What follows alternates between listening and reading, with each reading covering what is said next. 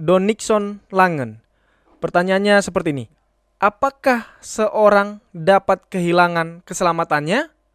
Terima kasih. Silakan pendeta.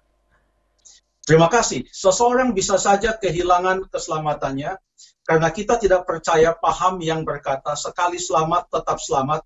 Kita mau buat apa pun saja, kita mau melakukan perbuatan jahat atau apa pun saja, tapi kalau kita sudah ditakdirkan untuk selamat, pasti kita selamat.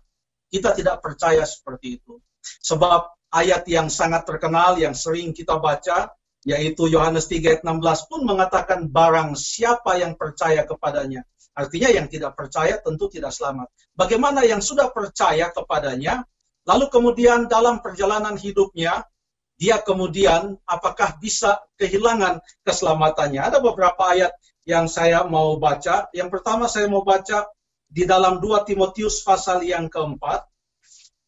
2 Timotius pasal yang keempat.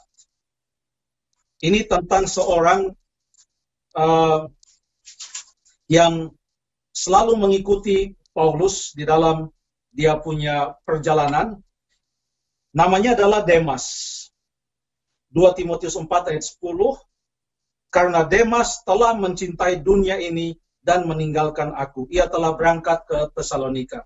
Padahal tadinya Demas bersama-sama dengan Rasul Paulus, dia sangat giat di dalam melakukan pekerjaan uh, Tuhan bersama-sama dengan Paulus, tetapi pada waktu Paulus ada di dalam penjara, Paulus katakan, Demas telah mencintai dunia. Nah, apa yang dimaksudkan dengan mencintai dunia di dalam Alkitab? Satu Yohanes pasal yang kedua, kita buka satu Yohanes pasal yang kedua, ayat yang ke-15 sampai ayat yang ke-17, janganlah kamu mengasihi dunia atau mencintai dunia dan apa yang ada di dalamnya, Jikalau orang mengasihi dunia, maka kasih akan Bapa tidak ada dalam orang itu.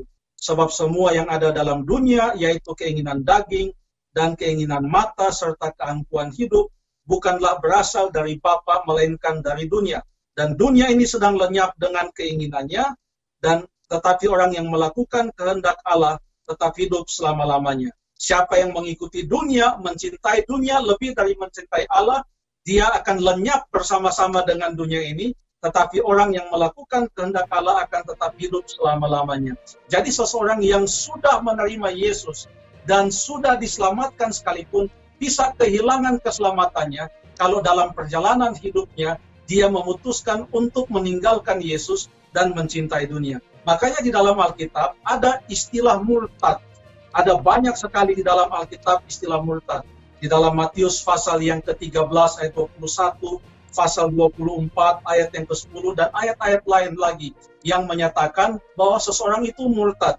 Contohnya di dalam Matius pasal yang ke-13 ayat yang ke-21, Matius pasal 13 ayat 21, saya coba buka, yang berkata ada uh, benih, saya baca ayat yang ke-20, benih yang ditabur di dalam tanah yang berbatu-batu ialah orang yang mendengar firman itu dan segera menerimanya dengan gembira. Jadi sudah menerima firman, sudah menerima kebenaran.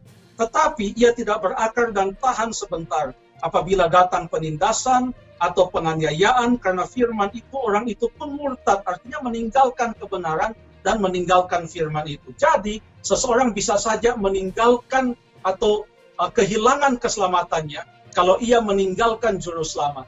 Hanya kalau kita ada dengan juru selamat, maka kita akan tetap selamat. Terima kasih.